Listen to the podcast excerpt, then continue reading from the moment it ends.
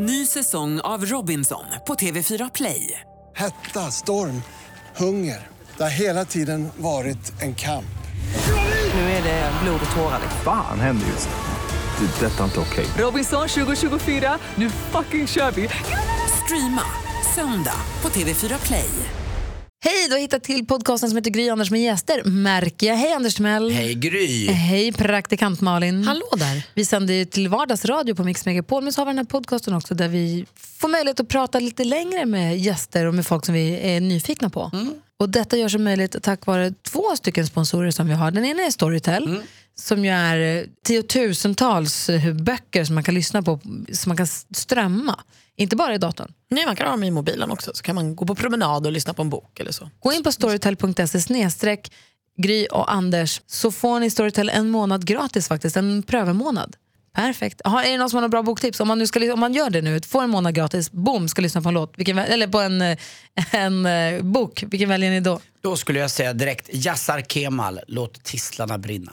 Okej. Mm, en turkisk författare som eh, är fantastisk och det handlar om klasskampen i, i Turkiet och klasskampen i stort. Gud vad överraskad jag blev. Ja. Eh, En annan sponsor är ju kanske jag då, av oss tre gladast över, det är Dogman. Just. Vet att Dogman startades en liten källarlokal i Lund? Ja, jag visste det. Jag hade ingen aning. Vad kul! 65, det är ju jättelänge sedan. Ja. förlåt Ja, det det.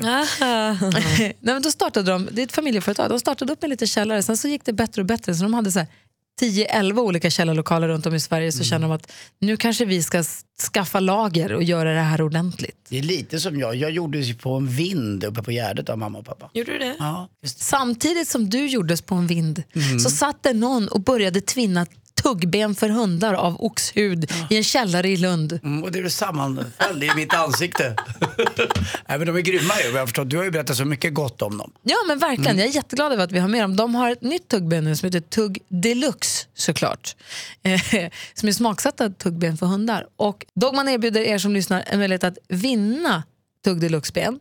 Man tar en bild på hundlivet när det är som bäst, hashtaggar den med hashtag Tugg Deluxe. Och taggar också AB underscore Dogman så att de också ser bilden ordentligt. Då är du med och tävlar om det. Gör det!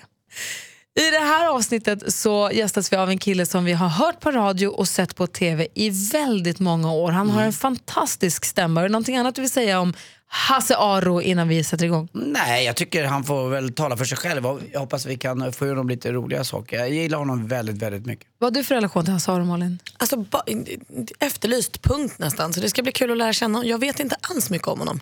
Ja, kul. Men Lite roligt är att han har blivit pappa på gamla dagar igen. Ja. Vi rullar vignetten så tar vi in Hasse. Gry och Anders med gäster. Var, Ja, med, Radio dopp, det Stockholm. var med dopping och... Ja, just det. Radio Stockholm var jag fem år, sen var jag på Radio Västmanland ett par år innan. Sven Sju då. Roland. Sven Roland. Sven alla var där. Alla. Det var ju på Alla, Johnny riktigt. Ulo Masing. Ja. Habba, habba, sutt, sutt. I studion har vi nu fått in Hans-Göran Aro, god morgon. Nej, inte god morgon. Hej, välkommen hit. Hej. Jag är så van att säga god morgon. Mm. Nej, det här är en podcast man kan lyssna på när man vill. Vi pratar just nu, vi är mitt uppe i att prata om radio med Hasse Aro. Mm. Eh, för det är kanske inte alla som har koll på att du har jobbat på radio i en herrans massa år. Kan du längta tillbaka till radio? Absolut. Alltså, radio är ju så enkelt. Det är ju så, liksom, det är du och en mikrofon, that's it. Liksom. Det är inte lätt, men det är enkelt. Ja, ja, men tv så är det ju sådär, all, du kan ha förberett allt, allt, allt, allt. Och är på topp och sådär och så är det någon sladd i något jävla kontrollrum som inte funkar och så skiter sig allt. Du har ingen något, koll liksom. Något batteri. Ja, eller något. Eller Alltid. någon tekniker har eh, PMS. Och sen är det väl så också att mottagaren som lyssnar på det här tycker att man pratar bara precis just till honom eller henne. Ja. Och det är väl en, en unik känsla tror jag. Men när du var på den tiden, jag kommer ihåg, jag tror inte jag var mer än 16-17 år då. Radio Stockholm var det på den tiden, så var lite, f- de var lite före med, med Mm. Att hålla ett, ett, ett visst tempo i det hela. Ja, det var ju liksom den första kommersiella radion i Sverige kan man säga utan reklam då. Men liksom den stilen, vi sände hela eh, dagarna, det var mycket musik, det var mycket snack. Vi var ute på stan väldigt mycket, det gjorde jag också. Så enkäter och Sände, Ja, nej, men liksom, när, inte bara enkäter utan när det hände någonting på stan, premiärer eller vad som helst. Vad var det knäppaste så här, flygande reporterjobbet du fick göra? vi, gjorde, vi gjorde en grej som hette Nattens puls som var någon, någon, någon sån här eh, försök vi hade under en sommar. Vi körde på nattetid och då var jag ute och så skulle man det skulle vara aktuellt och så skulle man då intervjua eh, människor och politiker och saker som har hänt under dagen. Och så kommer jag ihåg en politiker, inga namn nämnda, som jag skulle då intervjua på kommentera någonting och fick tag i personen utanför Café Opera och hen var långt ifrån nykter. Vem var det? Nej, säger jag inte. Jo. Han är ju reporter, han får inte röja sina källor. Men det gick ut i radio, så om du går tillbaka till arkiven och lyssnar igenom alla Nattens puls så kanske vi hittar Det kanske jag gör. Hasse Aro, fem första. Vi börjar med första jobbet. Eh, ja, det första riktiga jobbet var på Ikea. Vilket jag kom att tänka på faktiskt nu när Lasse Flinkman har gått bort. Eh, för att Lasse och eh, hel, stora delar av det här After Dark-gänget jobbade på Ikea före min tid, strax före min tid. Så när de körde igång After Dark så bjöd de in då alla anställda. Så vi var där och tittade på showen på David Bagare, alltså den förs, absolut första showen de gjorde. Det hette ju After Dark på den. Sen gick ju till Hasselbacken sen också. Visst gjorde det senare? Ja det gjorde det säkert, Ja. men just den här, och för mig var det en wow-grej. Liksom. Alltså, det är svårt för unga människor att tänka sig hur Stockholm var på den tiden, men det var bitvis en ganska inskränkt Puritanskt. stad. Puritanskt där, och så kommer de ut. Och liksom, Och är flamboyanta och... Ja just det, och liksom inte bara går ut med, öppna med att de är gay, de har dessutom tjejkläder på sig och, och man- kör. Liksom. det- och grejen tycker jag var också att det balla med och det lite kittlande var ju att man visste att Christer Lindarw var en man. Men jag i alla fall, jag talar bara för mig själv alltså. Mm. Eh, Jag kunde inte låta bli att tycka att det var lite sexigt. Att det fanns en, en erotisk känsla med honom. Fast jag eh, visste att han var en man så var det ändå någonting, det, det kittlade. Var det förbjudna som kittlade, eller hur? Ja, men jag tror också det var förbjudet, det, här var ju på 70-talet eh, när feminismen, den delen av feminismen som blombrande då, förnekade ju det här kvinnliga. Man skulle inte sminka sig, man Nej. skulle inte klä sig i vackra kläder, man skulle inte ens ha bh på sig. Och han gick ju precis emot det här. Sminkade Bara- sig jättemycket. Ja, så det var ju också, det var väldigt provocerande på sin tid. Det var härligt. Vad gjorde du på Ikea? Vad jobbade Sålde bord. du? Satt i kassan i princip? Nej, jag st- jobbade på blå sektion som det hette då, där vi hade bord. Jaha, perfekt. Tillbaka till dragshoweriet. Har du någonsin klätt i kvinnokläder? Eh, måste jag tänka, nej, jag vet faktiskt inte. Hade du gjort det hade du Nej, vetat. men jag kanske har gjort det vid någon maskulin... Nej, jag, in, jag har ingen minne av det. Inte så att du går hemma bara Nej, nej, inte så att jag går hemma. Nej. Inte så som att Anders. Nej, inte som Eller Anders. Bo- Thomas Bodström har ju också gjort det. Ja, Han uppträdde väl med After Dark en gång i för kvinnokläder, vill Just jag, det. vill jag minnas. ja. Jag kan inte minnas att jag har gjort det. Jag har städat en gång i trosor, ja det gjorde jag. Och högklackat. Och I högklackat. trosor. Ja, det har jag gjort. Men det, det var som det var, jag har provat det också. Första lägenheten. Den var på Kungsholmen, Kungsklippan 11. Det var en jättetur att jag fick den. Det var en ren slump. Men Hyres eller bostadsrätt? Det var en hyresrätt som jag fick hyra i andra hand under ett år medan hon som hade kontraktet var i USA. Och sen- Svart kontrakt? Nej, Nej. Ja, oj, det var så otroligt uppstyrt allting. Och sen när hon kom hem hade hon träffat en man och var gravid så hon ville inte bo i den där ettan längre. Och det här låter helt otroligt men jag fick ta över den. Vad hade du för hyra? Oh, jag tror det var, eh, det var nästan 500 kronor. Ja, men det var inte samma, det var inte samma bostadsrätt i Stockholm då. Det var Nej. inte samma att man skulle tjäna pengar på sina Nej, bostäder. Utan det var nej. lite mer fair allting. Men det där, det där läget, Kungsklippan för inte er som vet, det är lite för centralt. Det är bara över bron och så är man ja, mitt i city. Ja, verkligen, det tar fem minuter att gå ner till city. Det Men- var fantastiskt. Hade du också flytet då att den eh, ombildades så du fick sälja den? Nej, det flytet hade jag inte. Nej, det hade varit nu, har den, nu har den ombildats, nu är det bostadsrätter men någon annan tog hem de cashen. Första förhållandet? Det var med Kerstin Sundberg när jag var eh, 14 på mitt 15. Var det hon som Hon tog, lämnade tog mig. din oskuld? Ja, Och hon Kerstin lämnade dig? Blev du heartbroken? jätteledsen blev. Oh. Gud, du har fortfarande värme i röst när du sa Kerstin Jag har träffat henne jättemånga gånger. Det är inte säkert att vi skulle passa så bra ihop idag. Det är jag inte säker på. Men eh, då var jag jätteledsen. Men visst det är det klart. ga- var gammal min- kärlek det rostar aldrig. Första riktiga kärlek och så lämnar hon mig. Hur gamla barn har du nu? Ja, jag har barn i alla åldrar. Säg igen. Äldsta? Han fyller 29, Och sen? eh, 25, Och sen? 11, Och sen? 10 månader. Låt oss prata mer om barnen alldeles strax. Första sorgen? Första sorgen? Ja, eh, förutom då Kerstin menar du. Eh, alltså, I övrigt så, inte förrän eh, folk började dö omkring mig. Mina föräldrar, det var jättejobbigt. Mm. Men då var jag ju vuxen så att det hör ju till vuxenlivet att man förlorar sina föräldrar. Men när det väl sker så är det faktiskt ganska jobbigt. Man ska vara glad om man får förlora dem när man är vuxen. Det ska man vara, absolut. Det är ju en del av en själv som försvinner lite grann när ens föräldrar tycker jag. För att man, eh, det är bara de som kan berätta hur det var när man var Exakt, liten. det tänker jag också. Det tänker man inte på innan. För Nej. jag tänkte på när min, min mamma då som gick bort sist. När hon var borta så kände jag nu, det är bara mina syskon som vet vem jag är. Och då, då får de en viktigare betydelse i ens liv. Det tänker man inte på innan men eh, alla andra eh, Ja, vet oftast inte är det så vem att jag, ja, vem jag familjebanden, Mm. familjebanden stärks mellan syskon. Det har jag märkt i min familj också. Eh, min bror och jag hörs av ännu mer. Och, sådär. och det är ju en syskon egentligen som man lever längst med. Längre än vad man gör med sina föräldrar. Ja. Så, bra, så behöver man inte alltid vara... Är du god vän med dina syskon? Ja, absolut. Ja. Sen har vi då sist men inte minst första bröllopet. Eh, det var 87, 86. Vem gifte sig? Var det du eller var det någon Alltså, annan? alltså första bröllopet som jag var på. Äh, det vet jag Jaha. Får ju spesa frågorna tycker jag. första bröllopet kommer jag ihåg. Det var, det, var, det var min bror som gifte sig. Min, eh, han är åtta år äldre än mig. Så att han gifte sig. Det var ett dubbelbröllop och det var första gången i mitt liv som jag hade kavaj. Som jag hade lånat. Den var alldeles för stor. Men fan vad snygg jag var. Var du snygg som ung? Nej det var jag inte. Men jag tyckte Men att jag var det i kavaj. kavajen. Men hur många gånger har du gift dig? Eh, Två. Och en gång då Vilken 86? gång var roligast? Nu tycker jag ni börjar bli privata här. Men första gången var 86 ja, typ. och andra gången var? Eh, för ett år sedan ganska exakt.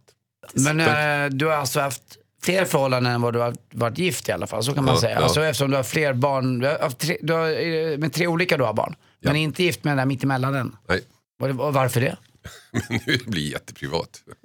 Vi är nyfikna bara. Jag förstår. Nej, jag Det kan vi fortsätta vara tydligen. jag, jag har aldrig varit gift heller. Och det är för att jag personligen då aldrig tyckt att det varit så viktigt. Jag tycker att man har barn så kan jag tycka att det är ett starkare band egentligen. Mm. Jag tror vi män oftast tycker så. Är det inte så? Det är, att det är ofta tjejer som vill mer än vad vi killar vill. Nej, det tror jag inte. Nu senast var det jag som ville. Jaha, kul. Hur friade du? Och du, jag är så glad att du ställer den frågan. För att alltså, det var så bra. Säg. Hur lång tid har vi på oss? Nej, men all, alltid Okej, David. så här. Jag, jag ehm, säger till min dåvarande fästmö, ehm, bered dig på en resa. Jag har tre överraskningar. Den första är en resa. Eh, så åker vi iväg till flygplatsen till Nyköping. Jag säger inte vart vi ska.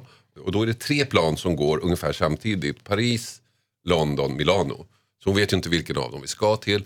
Men sen tror hon då att när, vi, när man ska gå, gå in genom säkerhetskontrollen måste man visa boardingkortet. Då kommer det att lösa sig. Men då går jag fram och snackar med tjejen som står där och frågar kan jag få visa, det är en överraskning. Så här, Ja, fick jag göra. Så då visste hon inte förrän vi gick ombord planet att vi skulle till Milano. Det var överraskning nummer ett. Jag hade sagt åt att ta med lite kläder, fina kläder. Överraskning nummer två kommer efter två dagar. Då ska vi då jag ner henne på stan så går vi till La Scala-operan i Milano. Som är liksom. Operornas opera, alltså operahusens operahus. Och då kör de Carmen som är operornas opera. Och sen i pausen mellan första och andra akten fria. Hur, nu, när, du, när du fick den här idén, hade du fått den eller var det bara Hasse Aros egen? Det där låter, jag får ju nästan gråta. Nej, men Ja. den, den var min idé. Alltså, det här med, eh, min första tanke var att, vi skulle, att jag skulle köra ett överraskningsbröllop i, i Milano. Men det är väldigt krångligt att gifta sig utomlands. Om det inte finns en svensk kyrka eller svensk eh, någon beskickning precis där i den orten. Och det fanns det inte där. Klart man kan gifta sig i en italiensk kyrka men jättekrångligt att hålla på med det. Så då, körde jag, då kom jag på plan B som var den här. Och just Carmen, Carmen är väldigt viktig för mig. Jag har sett jättemånga Carmen-föreställningar. Så att den gick där då var ju liksom som Gud sa till mig, här kör. Vad betyder Carmen för dig? Varför betyder den så mycket? Därför att när jag gick i gymnasiet så var jag med i teatergruppen på skolan och så satte vi upp Carmen. Kan du sjunga? Nej jag kan inte sjunga men jag kan librettot nästan utan till. Och librettot är? Alltså det är texterna och, och det är både tal och sång. Liksom. Alltså innehållet? Jag tror visst du kan Innehållet. sjunga, du är så fin. Nej, jag, så jag vet att många tror det. Men sjöng du inte också Hylands hörna eller är det ett rykte? Det där är det roligaste jag har hört i hela mitt liv. Jag har ingen aning om varifrån det kommer. Men varför säger folk att du har sjungit Jag Hylands vet hörna? inte. Och det, det är någon som har skrivit det på Wikipedia. Och så, sen tror alla på det. Ja men sen så är det källor och så går man bakåt och då är det listor på folk som har varit med. Där är jag med. Men här är så podcast. snart börjar jag undra, är det jag som liksom har jag raderat bort det The här? Truman Show, du var med i Hylands hörna. Nej, vad läskigt. Du har haft ett innehållsrikt liv så du kanske inte har har glöm- glömt bort det Ja bara. men om man är med i Hylands hörna när man var, jag vet inte hur gammal jag skulle vara, typ ja, barn. Tio kanske? Ja, då hade man att komma ihåg. V- Vem är din eh, favorittenor? Är det just eller var han tenor? Jussi var ju fantastisk. Eh, när jag jobbade på Radio Stockholm så var det Jussi Björlings 100-årsdag tror jag och då körde de någon grej i Stockholm och då eh, var ju utsålt sedan länge men då eftersom jag jobbade på Radio Stockholm så kunde jag sitta bland teknikerna där och lyssna. Och då, fann, då var det en baryton som heter Robert Merrill som jag också blev väldigt förtjust i. Som var där och sjöng, som hade sjungit. Han sjöng den här duetten med Jussi Björling över Pärlfiskarna som är världsberömd. Och han var där och det var, det var lite gåshud. Sen var det lite roligt då för att vi, um, Radio Stockholm hade då fått kungalogen som, som kontrollrum. Så där satt jag medan prinsessan Kristina satt utanför och vinkade åt oss. Vi sitter på mina platser. Vad roligt att den hårdkokte Asaro är sån operafantast. Men det, man kan inte säga att man är operafantast för då är det alltid någon annan som liksom Ja, ja, börjar slänga namn då. i huvudet på en. Det är som att säga att man kan segla eller spela golf. Men passar är det för det du? Ja, Man kan inte säga liksom, spelar du golf? Ja, nej, då Men den man här inte. sidan har inte kommit fram så ofta med Nej, dig. Tror jag, nej. faktiskt. Men du, det finns då en, en, en myt om att du har sjungit i Hylands hörna. Det Ja. står på Wikipedia, det finns i listor på Ja. deltagare i Hylands hörna. Det är inte sant alltså. Nej. Vilken är, vilken är den näst största lögnen du har hört om dig själv då? Ja, det vet jag inte, att jag skulle vara trevlig kanske. Eller, vi har ju fasansfullt otrevligt så här långt. Du har barn i åldrarna allt från 29 år till 10 månader. Ja, Hur gammal är du nu? 58. Hur är det att bli förälder igen när man är 57 då? Man får alltid den frågan. Ja, men det är inte så konstigt. Eh, Men det är inte så svårt. Nej. Det är same same. Men du måste ha ett annat perspektiv på livet själv. Om man är 27 eller Ja. 57 så måste det vara annorlunda att bli pappa. Ja, eh, nej, inte som person är det inte så annorlunda. Det, det, som, det som är fördelen tycker jag, det är ju då att eh, man vet ju att den här ungen kommer inte att dö bara för att man tittar på den eller glömt mata den eller inte har just bytt blöjor eller sådär. Att man är inte så nervös hela tiden. Och det tycker jag är jätteskönt. Man vet ju också att den här, det lilla byltet som man har eh, i en månad som skriker hela natten, det är den tråkigaste delen. Det blir ju bara roligare och roligare och roligare ju äldre de blir. Och det är svårt att veta när man har sitt första Ja, barn, för det förstår man inte. Varför jag undrar också, för att vi har ju Anders här va? Ja. 50 och ett halvt. Ja. Har en tjej som, eh, det, det pratas mycket om sen när vi får barn och sånt. Ja, det är ingenting konkret på gång men jag, jag hör, jag läser mellan raderna att det kan vara så. Nej, men jag tror att, eh, alltså, jag tar det i egen sak, jag tror att eh, man blir inte sämre förälder för att man är äldre. Det finns, det finns ingenting i själva ba, att få barn som blir sämre för att man är äldre. Det blir ju det är precis lika häftigt när man blir äldre. Det som händer är att man dör tidigare. Ja, det är att man inte kanske får, kanske får se sitt barn växa upp. Men, Nej. men eh, jag, jag är mer så att jag eh, har varit lite så orolig. att- Och många, det är för att många i min omgivning också säger, ah, ska du, det är nu du ska leva, det är nu du liksom, det är barn, Men du har ett du barn ska sedan ha. tidigare som är 22 så Ja. du är liksom, precis, han har ju precis flyttat ut. Alltså, Ja, jag, men- ja, ja, jag, men jag, det jag där- tror bara kan, jag tror bara att ett barn eh, kan addera och det verkar som att du tycker det, Det, också. det tycker jag också. Det, med, Ja. det är nu du ska leva. Ja, hur då? Och jag liksom? vet inte, jag tycker personligen Hänga på krogen, att, liksom, exakt, det har åka jag till gjort. Spanien, liksom, åka gjort. jorden runt. Allt det där har gjort. man gjort. Jag har och liksom, gjort det där. Och ska jag då träffa, vi säger någon, vi ponerar att jag träffar någon i, jag vill säga i Grys ålder. Då får jag istället en, en eh, vad, i ditt fall, en sexåring och en elvaåring va? 12. 12, ja vi är underbara också men, men det är också förenat, allting är ju att eh, man får släppa sitt ego lite grann tror jag om man skulle få ett barn. Och Mm. dessutom har det att göra med, det finns en annan person som jag lever med, eller hon bor i London nu men hon flyttar hem, Lottie. Det är att hon vill ha barn och jag tycker om henne så pass mycket att jag tycker det skulle vara härligt att hon, hon jag tror vi skulle bli en bra familj. Så Tycker ska och jag vet inte, kände du så med din när Ja, du träffade din? absolut, Men absolut. var du tveksam då? Nej, inte då. Men om någon, Men fem, nej, men, men om någon fem år innan hade sagt att du ska få ett barn till, då hade jag sagt nej tack, jag är nog klar Men med det där. garvar dina polare, äh, Aschberg och de där? Nej, det har de inte gjort faktiskt. Lars Lars. Weiss och men, att bli, men, att bli, men att bli gammal handlar om två saker. Mm. Det handlar dels om det fysiska åldrandet, man blir äldre. Men så i, sitter det i en också. Att man liksom mentalt uh, tillåter sig att bli gammal. Och ett sätt att inte bli det är ju att ha barn. Kan du inte, bli, du kan inte sitta där och gnälla över att det är Nej, du är inte så bitter som jag de- trodde. De, nej precis där och att det, liksom, det var bättre förr och bussarna går inte tid längre och sådär. Men hur var det, för, för dig var det då ditt, tre, ditt fjärde barn Mm. eh, och för din eh, fru hennes första. Men hur funkade liksom din trygghet med hennes nervositet? Ja, det, är ju, det funkar ju bara bra. Kunde Jag- du lugna henne eller blev du störd på att så här, man, Nej, kommer nej, inte dö nej jag, tror, jag tror att, eh, att hon, upp, jag har inte, jag har inte direkt frågat henne, men jag tror hon upplever det som lugnande. Att liksom, det tror jag.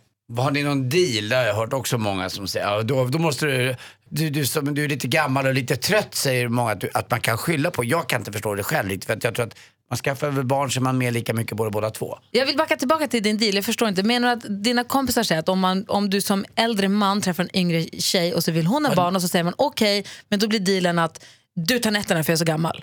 De Vad är det du menade? Inte alla mina, men några har sagt det som en grej. Och jag fattar inte det. Jag tror inte att det funkar så nämligen. När, det, när, det, när det gäller. Eller vad säger du? Du Nej, nej, jag tror inte det funkar så heller. Man har ett gemensamt ansvar. Men det här med att du, det är svårt att lära sig hoppa höjdhopp och sånt där, det blir lite tufft. Ja, men jag har aldrig varit särskilt bra på bra. vare sig höjdhopp eller fotboll så jag tror inte det blir någon skillnad.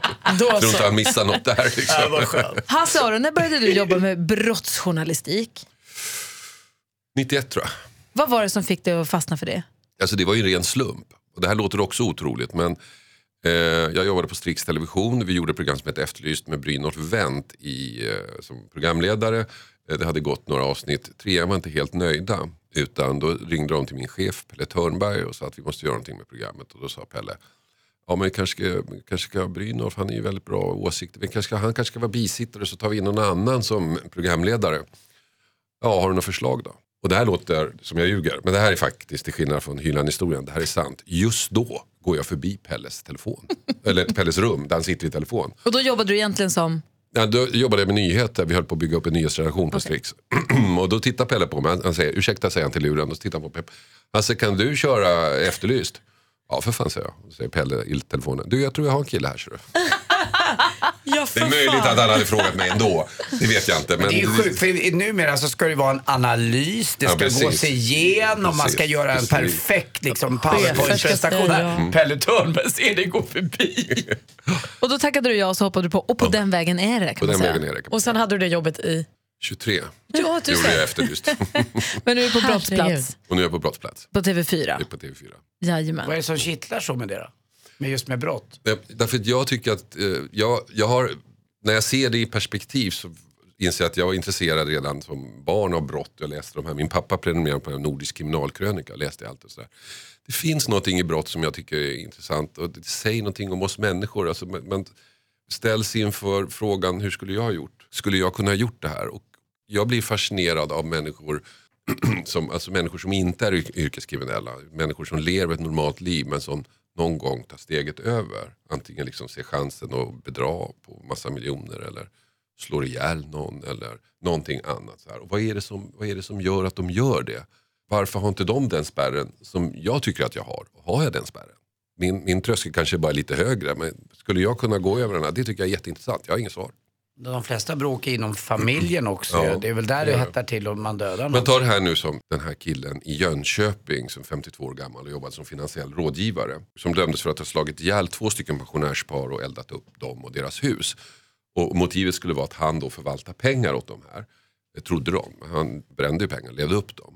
Och hela hans liv är alltså byggt på en lögn. Han har ju levt ett vanligt liv, han har haft barn, han har varit idrottsförälder, han bor i villa i ett villasamhälle. Alltså Han med är vardagssvensson psykopaterna är man ju rädd för. Ja men också väldigt fascinerad av. Det här att leva, leva i en lögn. Och han som- ett dubbelliv som var helt... Ja, ja, det gjorde han ju. Men skulle jag, om jag lever ett helt, jag har inga psykopattendenser än så länge och har levt ett helt vanligt liv. Mm, så säger alla psykopater. det är så. Nej, men om jag helt plötsligt skulle göra en stöt eller få på något vis möjlighet att göra ett, ett rån Ja. och sen gå direkt tillbaka till att leva mitt vanliga liv. Hur stor chans skulle jag ha att komma undan med det? Jag har inga tidigare grejer, jag, har ingen, jag är inte superklantig med Nej. kredit, äh, inte vet jag. Ja, det beror på, alltså, om, du, om du gör det här själv, det här är någonting som du kan göra, bara du. Ja. Du behöver inte blanda in massa folk. Utan du, så tror jag sannolikheten att komma undan är ganska stor. Vilket skulle vara, om du skulle sätta upp det perfekta brottet då? Ja, men det, det tror jag, det perfekta brottet eh, är ju redan gjort eh, så tillvida. Eh, nu, nu är jag ju efterlyst så på det sättet är det inte Det perfekta brottet är ju aldrig perfekt om du åker dit. Så det, det verkliga perfekta brottet känner vi inte till. Nej. Det ligger ju i sakens natur. Men den här killen som, eh, den svenska killen som sålde så här falska virusprogram för datorer. Det så här, du går in på din dator och så plötsligt kommer det upp så här eh, annons. Din dator kan vara infekterad. Du testar gratis med vårt program. Och så går du på det så testar du och så säger den förstås oj du har ett virus. Köp vårt antivirusprogram för 50 kronor. Och så gör du det. Jag vet inte hur mycket han drog in men vi pratar miljarder. Är det sant? Ja. Och ingen vet fortfarande vem det är. Jo, han, han är efterlyst av Ja. FBI nu. Han, han söks över hela världen. Mycket talar för att han kanske finns i Sverige.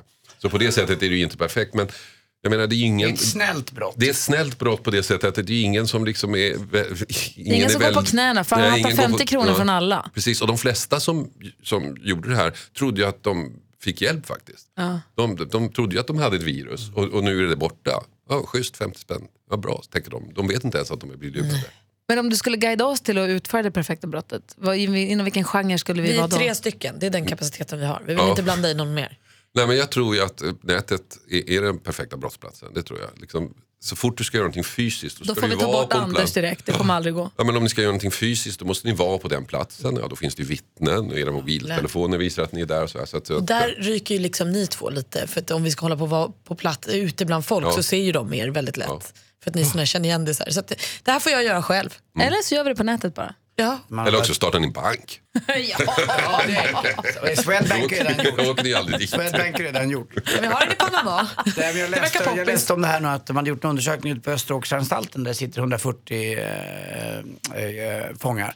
Att det är en ganska stor del nu som har ADHD.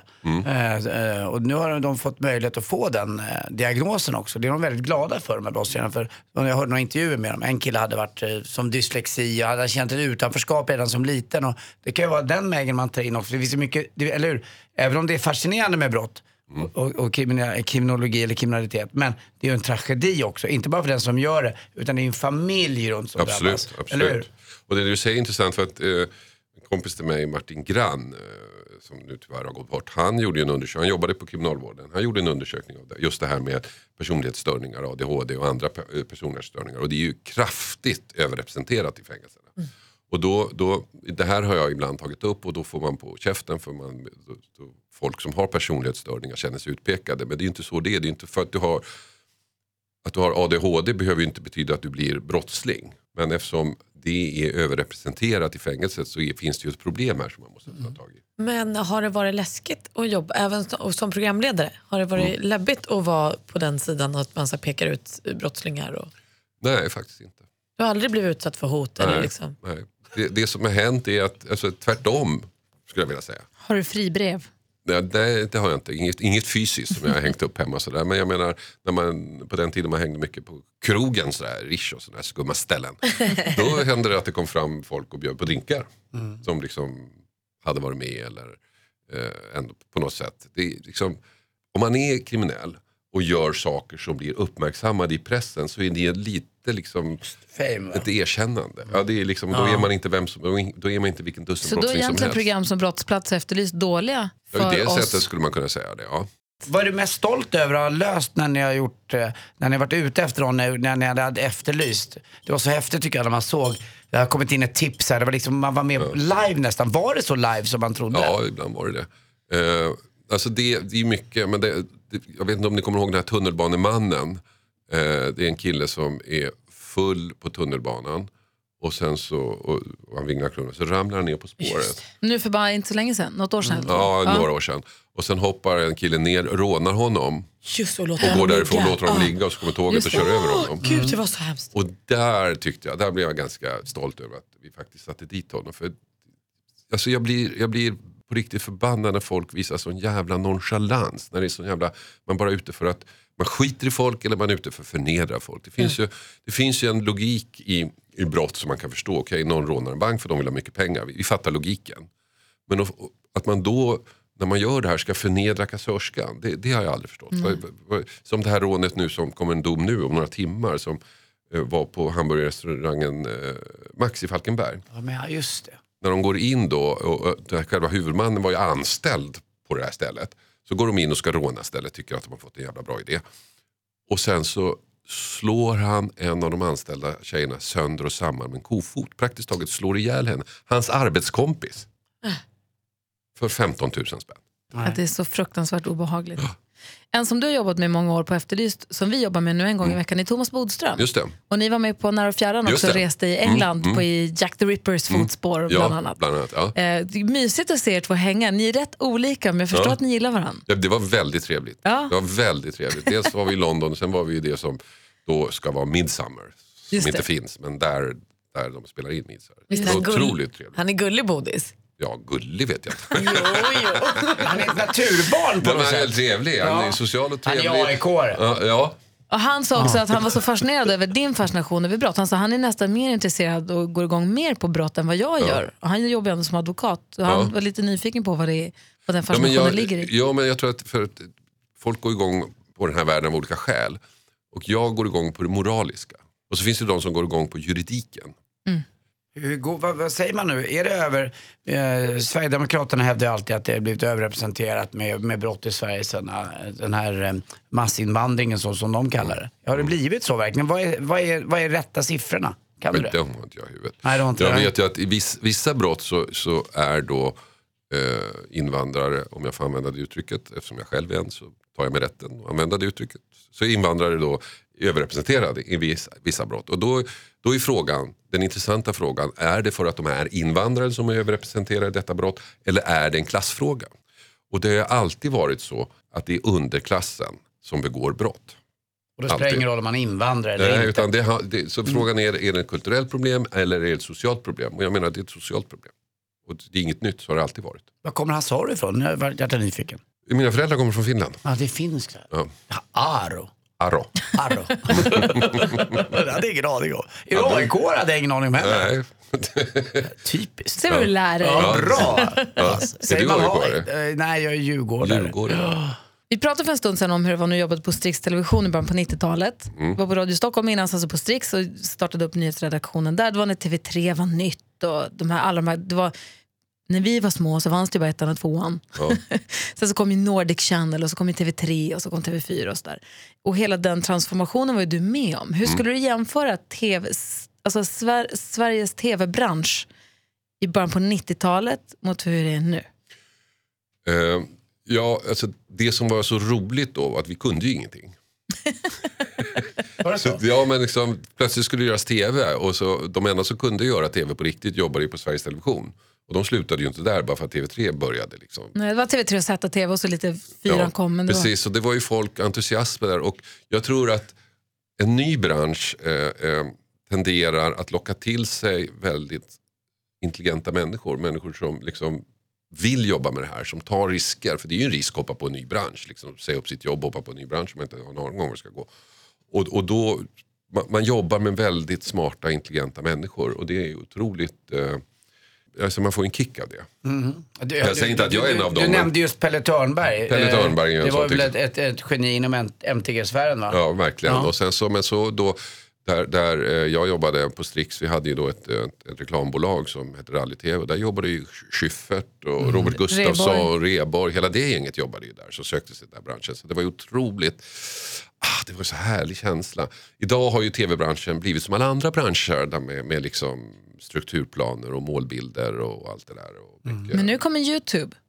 Ja, det är sant. Alltså Youtube-gänget ska du inte, alltså de är, det är så härligt. när Jag du var- säger Youtube-gänget då, vad är det? Nej, men ju, alltså de Alla här YouTubersarna. youtubers, alltså hela Mm. den branschen är svinhärlig. Jag har varit på den här guldtuben, Ja. deras, deras egna gala där Ja. de pris, ger priser till sig själva och varandra. Och det är en sån härlig anarki, alltså sån här Tjong i punk. medaljongen. Nej, men det är så här punkkänsla för de är en egen rörelse och det går som tåget för dem. De har hur mycket tittare som helst. Eh, Daniel Norberg hade, den kvällen när vi sågs firade han att han hade 10 miljoner träffar på sitt senaste klipp. Det går, folk tittar, skärmtiden ökar ju så det bara står härliga till medan tv-tittandet går ju ner. Det ga- traditionella linjära tv-tittandet går ju ner. Men att kolla på on demand på TV4 Play eller vad man nu kollar, eller på Youtube går ju upp så det bara Jag vet. Min, och de är ju fan, alltså det är en fantastisk pionjäranda. Och de är mig. skitduktiga är de. Alltså, eh, min dotter som är 11, hon tittar ju bara på YouTube. Det är väldigt sällan, hon tittar på tv ibland bara för att vara hygglig mot mig. För att jag vill lite sällskap. Kolla liksom. pappa sällskap vid rapport. Ja, liksom, ska vi inte se smartare än en 50-klassare då för att jag tycker att det är okej då, säger hon. Men hon tittar ju mest Fast just den tiden Hasse ska ni titta på Gladiatorerna. Okej, jag ser det samtidigt. Okej. Mm. Typiskt att det blev så himla tokigt. Men den här YouTube-grejen alltså, nu ska jag säga någonting. Jag kommer aldrig, jag kommer förneka att jag har sagt det här och jag kommer aldrig mer säga det. Jag kanske är för gammal. Jag Du kanske, fick- jag vadå, kanske vad är benägen då? att hålla med dig. Vadå för gammal? Har jag sagt det? Nej. Vi har en, frå en fråga i lådan här borta. Anders, ska du ta fram den? Mm. Det kan vara frågor från redaktionen, det kan vara från tidigare gäster. Okej, Så får du bara dra en och svara helt enkelt. okej. Minns du din första kyss? Det är Lill-Babs som har ställt en fråga. Är det det? Mm. Var det med hon Sundberg? Jag tror att det var någon innan Sundberg. faktiskt. Mm. Någon? Mm. Den bästa kyssen då? Eh, men jag kommer inte ihåg, alltså jag vet det fanns en tjej innan Sundberg och vi hånglade lite. Sådär, lite mer avancerat sätt än vad man tidigare gjort. Men jag kommer inte ihåg om vi kysstes. Ta en till. Hon blev, sedan, hon blev sedan dömd för terrorism. Nej! Nej, inget mer, säg inget mer om det. Anna-Greta Leijon. Vadå, kan du inte berätta mer? Nej. Tar vi ny. Okej. Pinsammaste händelsen i ditt liv? Svara ärligt, Bianca Ingrosso. Och det har varit så många. Det har varit så många. Men en som jag omedelbart kommer tänka på är när jag var med min, eh, min stora dotter i Paris. Och, sen så, och så har jag kavaj då som jag gillar. Så hade jag på den över axlarna för det var så varmt. Och så är det mycket folk uppe där i, i Sacré-Cœur där uppe. Och så, och, eh, så är det någon som liksom stöter till mig så kavajen åker bakåt. Ramlar ner. Så jag tar, kupar handen och drar den bakåt för att, för att liksom fånga upp min kavaj. Rätt upp i rumpan på en amerikanska. Alltså klockren, och den är kupad så klockren träff. Rätt upp i rumpan på henne. Vad sa hennes man? Ja, Jag skulle, och då skulle jag ju, jag skulle för, alltså först vet jag inte liksom vilket språk jag skulle och jag försökte be om ursäkt och liksom det blev så konstigt. Och så ser jag lite längre bort hur en kille, en ganska stor kille, förmodligen hennes man, armbågar sig fram mot mig så här. Och så har jag min dotter med. Och, så jag säger till henne, nu sticker vi och så hukar jag mig ner så här och, i folksamlingen. Och så. Ja, du tog aldrig konfrontationen. Nej. Fick du med dig kavajen? Jag fick med mig kavajen, ja. Och min dotter tyckte jag var jätteroligt. Gud vad härligt. Vad mysigt att du ville svänga förbi och hälsa på oss. Ja, det var roligt. Tack snälla Hasse Aro. Tack. Vi fortsätter njuta av att se dig följa på TV. Ja, tack. Gry och Anders med gäster.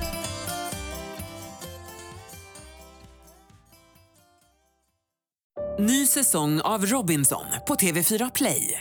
Hetta, storm, hunger. Det har hela tiden varit en kamp. Nu är det blod och tårar. Fan händer just nu. Det. är Detta är inte okej. Robinson 2024, nu fucking kör vi! Streama söndag på TV4 Play.